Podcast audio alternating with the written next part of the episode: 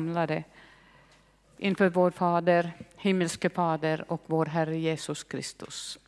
Närvarande genom den helige Ande. Och vilken trösterik sång, vilken hjärta från Gud och vår Herre Jesus Kristus.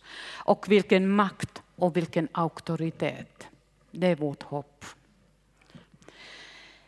Vi har ju temat Lär känna Gud under den här hösten.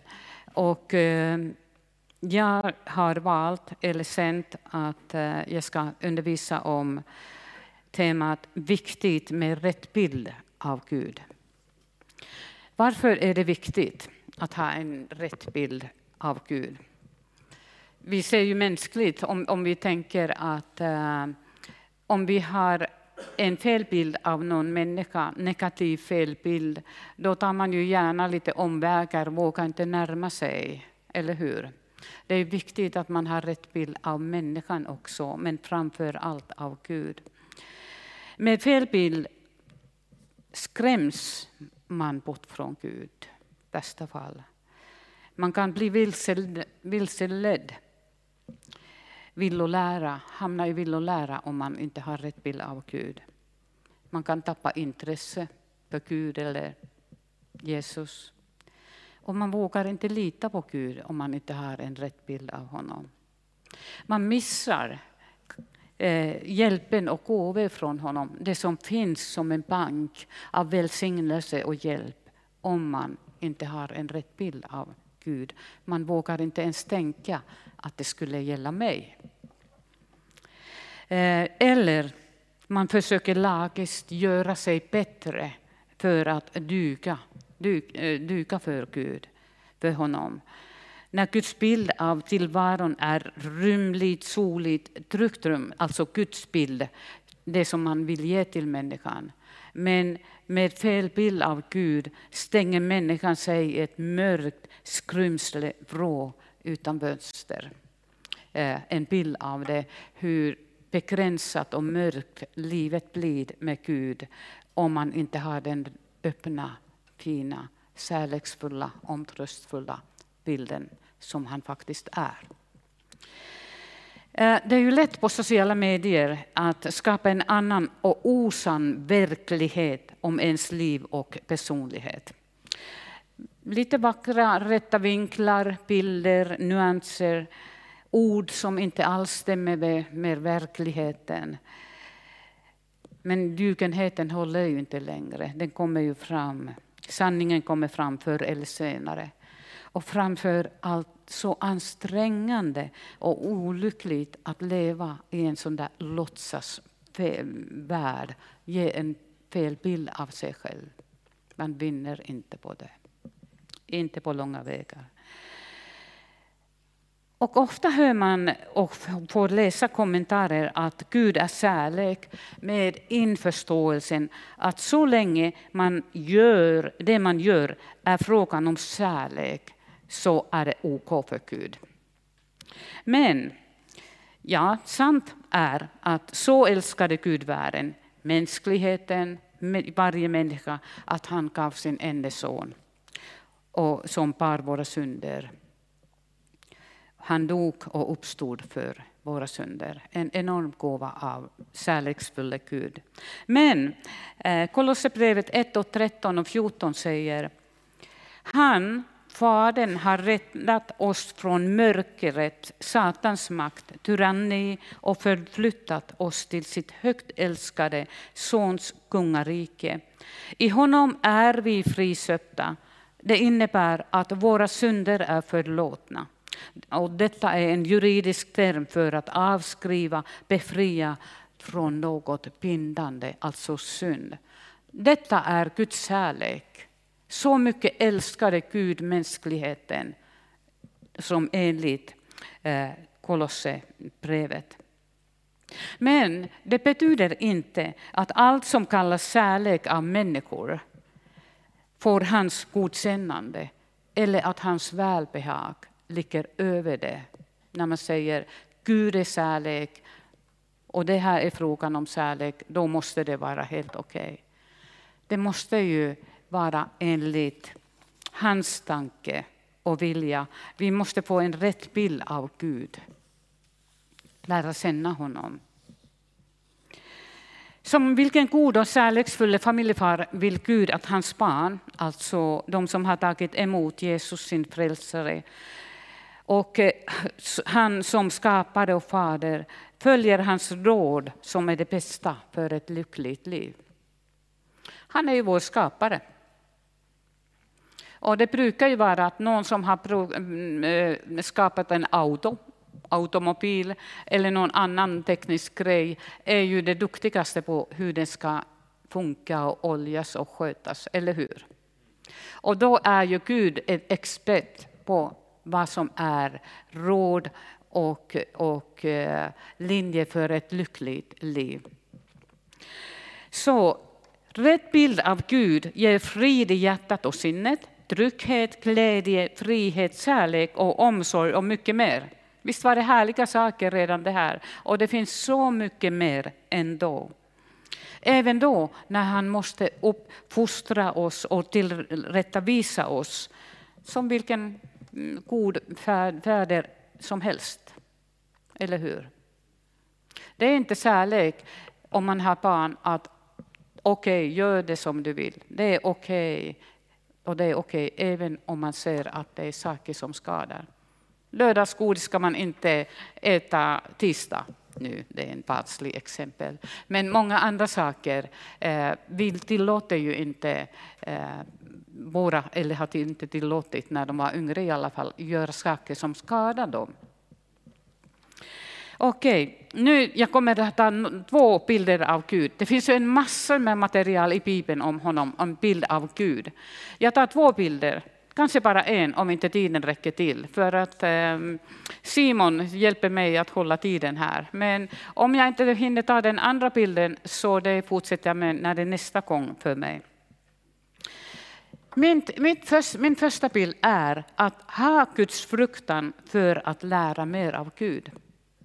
Oj, tänker kanske någon. Jesaja, Guds fruktan, respekt och vördnad för Gud och hans vilja. Jesaja 33, 5 och 6, jag läser från Handbok för livet. Herren är stor, han bor i himlen.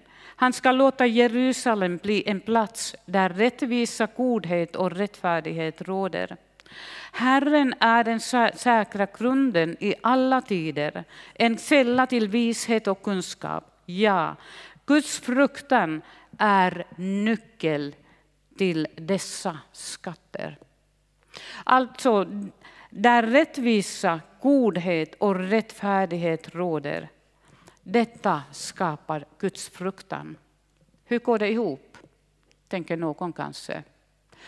Det går ju ihop så att när en människa säger i sina samtal, i sina böner med Gud, Gud, ske din vilja i mitt liv. När man ser vem Gud är, vem han är, den rätta bilden. Att han inte blir pappsen som man går till när man vill och behöver någonting.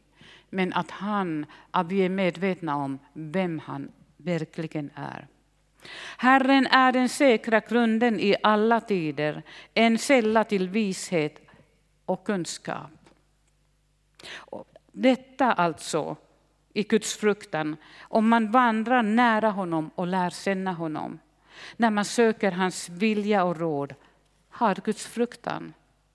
Det är ju enkelt sagt så där att jag bestämmer, jag går och det här är mitt och jag tänker så här. Tack Gud att du välsignar mitt liv. Nu tänker jag så här och så här. Utan ett steg bakåt. Lovprisa och tacka honom för hans storhet, hans närhet, hans omsorg, hans kärlek. Ske din vilja. Hjälp mig vandra på din väg. Jesaja 50.10 säger handbok för livet läser jag, ni har en annan översättning bakom. Vilka bland er fruktar Herren och lyder hans senare? Om någon vandrar i mörker utan, att min, utan det minsta ljus, låt honom då lita på Herren och stödja sig på sin Gud. Men ni som bor i ett eget ljus och värmer er vid egen eld istället för vid Gud kommer att få mycket bekymmer. Alltså det är ju enkelt. Om jag litar på mig, min kunskap, jag går lite längre från Gud istället att vara nära honom, ha vördnad och respekt, lyda, lyssna och lyda, så missar jag inte den miss, med, med eh, gudomliga visheten som bevarar från mycket. Guds fruktan, att frukta Gud, är en stark förståelse av att Gud är helig.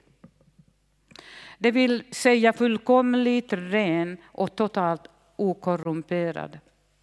Att stå i hans närhet är omöjligt för oss människor i vårt synliga tillstånd.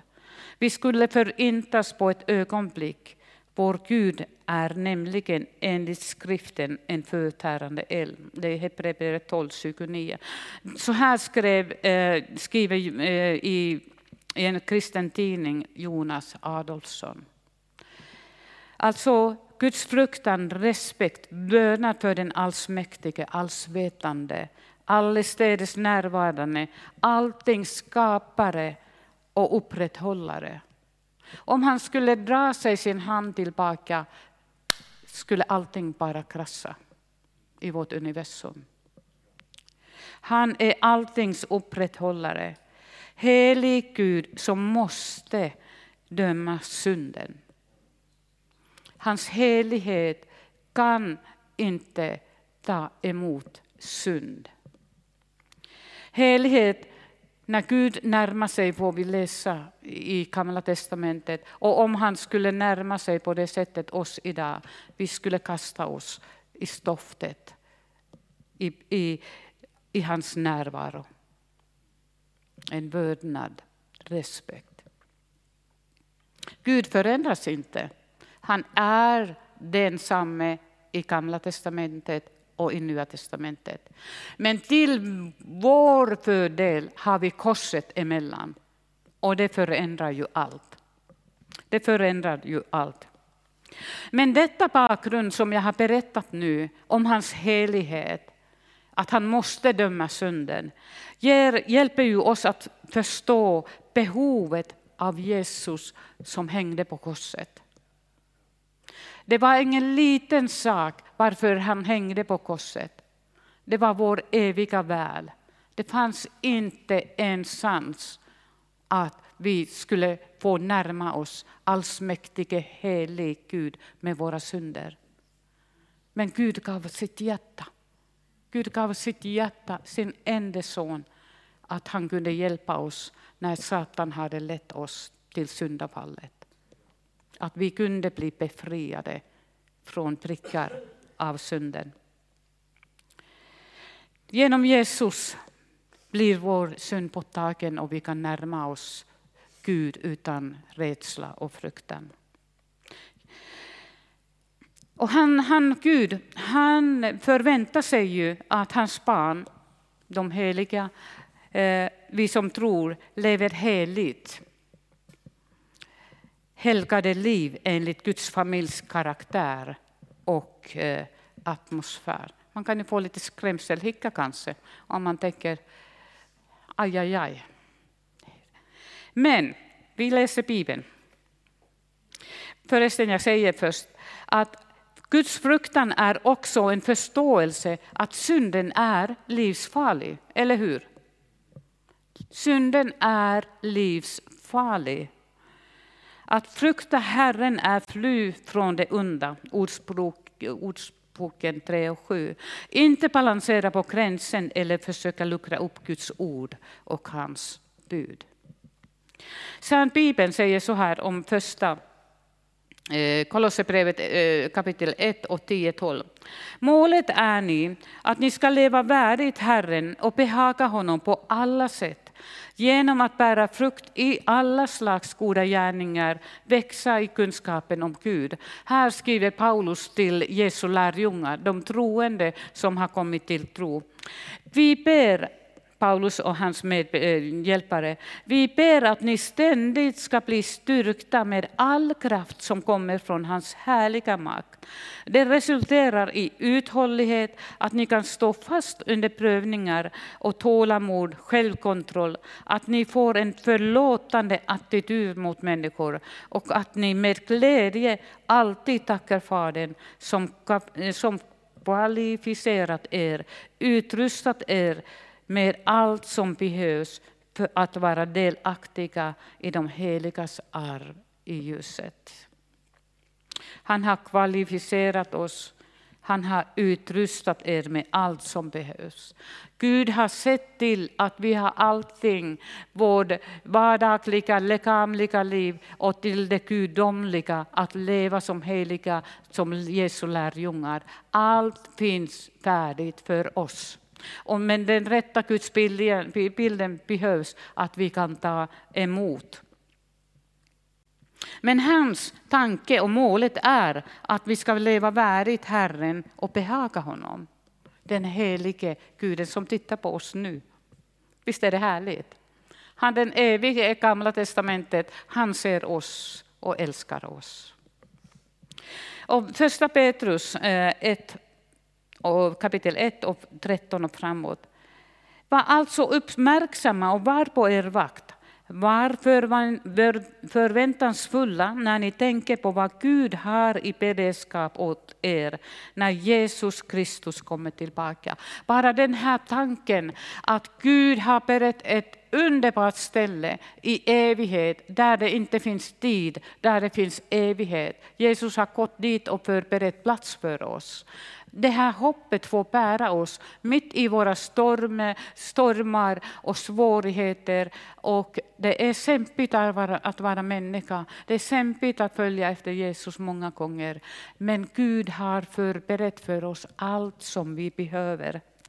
Lyd Gud, alltså följ hans råd. Ni är hans barn och ska inte längre, längre leva som på den tiden när ni gjorde det onda därför att ni inte visste bättre. Alltså, ni ska vara, nu ska ni vara heliga i allt ni gör, precis som Herren är helig, han som tog emot er som sina barn. Han har själv sagt, ni måste vara heliga för jag är helig. Okej, okay då blev det eh, spärren rätt så högt här. Ni ska vara heliga för jag är helig. Hur går det här ihop nu? Det är stor skillnad med två, två heligheter. Att vara helig i Jesus Kristus på grund av det att Jesus har dött och uppstått, förlåtit våra synder. I den stunden när vi sa Jesus förlåt mig, eh, blev det en juridisk händelse. Helige Ande kom hit, Sikill tillhör Gud, vi är Guds barn, vi är heliga tack vare Jesus Kristus. Vi är allihopa heliga här, även om vi har en tuff dag, även om vi misslyckade idag. Så vi är heliga. Vi är heliga i Jesus Kristus. Men sen den här andra heliga, vad är det nu då? Det heter inte helig, utan det heter helgelse. Att vi ska bli mer och mer likt Jesus när vi vandrar efter. Och hur lätt är det då? Visst brukar det vara så att nu ska jag inte äta godis på fem dagar. Det är bara pina efter en dag och nu ska jag ha bara godis eller glass. Så då, då som Peder säger vi, han älskar ju glass och någon annan också. Det som man inte får göra, det vill man ju absolut, eller hur? Men vi har hjälp. Vi har hjälp. Det är att vi har den vi kan inte prestera, vi kan inte producera ett helgat liv. Vi kan inte förändra oss mer lik Jesus. Den helige Ande gör det i oss. Och vad behövs vi göra då? Säga varje dag Jesus, jag älskar dig, jag följer dig, hjälp mig. Och jag tror att det är viktigt det här också, att vi vågar vara sårbara. Att vi vågar säga, nu misslyckades jag nu gjorde jag fel. Att vi vågar erkänna till oss själva och att vi vågar säga och erkänna det för varandra och be om förlåtelse. Vi kan ju inte, behöver inte göra, berätta det för hela världen. Men till exempel om man har för, uh, olämpat någon, någon människa, att man erkänner, sorry, jag gjorde fel, kan du förlåta mig? Då, vet ni vad som händer då? då? Gud ler, Jesus ler och hans behag och välsignelse kommer över oss. Och det blir så varmt och gott i hjärtat när vi lever i den atmosfären som Gud vill, som jag har läst här, som Gud vill, enligt den karaktär och atmosfär som finns i Guds rike, där alla älskar varandra.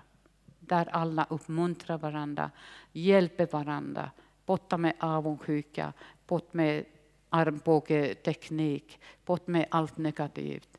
Stödja, uppmuntra. Då ler Jesus och Gud och de kommer närmare och närmare oss. Och vi börjar känna, vi börjar känna den atmosfären i våra bönekvällar, gudstjänster, att Gud är närvarande. Han avskyr, heter det så, Gud avskyr högmod. Eh, han tål det inte alls. Så det är bättre när vi känner det här. Jag, får, jag har fått göra det och jag får säkert göra det många gånger om. När det här stinget av högmod kommer. Jesus, förlåt mig. Gud, min fader, förlåt mig.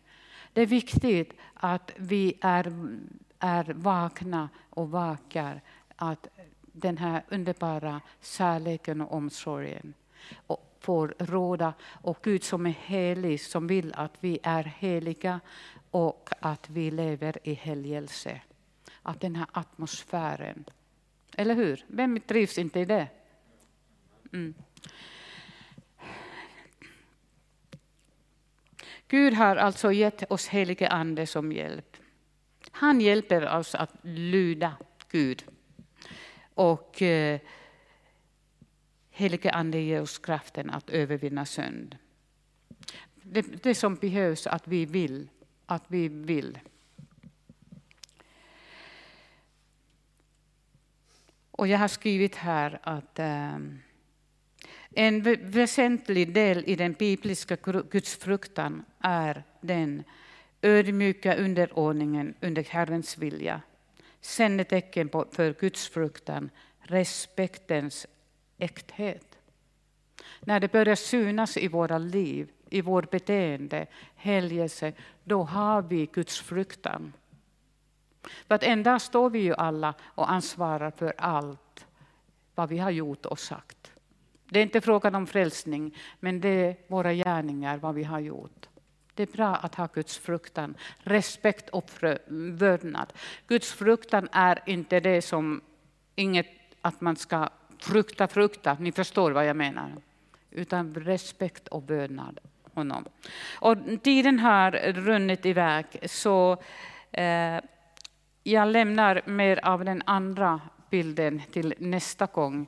Men jag säger bara att eh, en bild till dig. Eh, för att nästa tema för mig är att den som har sett Jesus har sett Gud och det är många underbara bilder av honom. Men jättesnabbt bara till dig speciellt.